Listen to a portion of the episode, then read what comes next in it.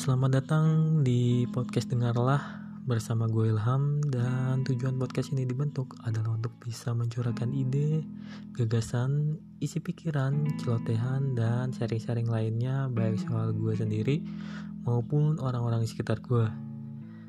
Kalau bermanfaat silakan dengarlah, kalaupun tidak ya juga tidak apa-apa.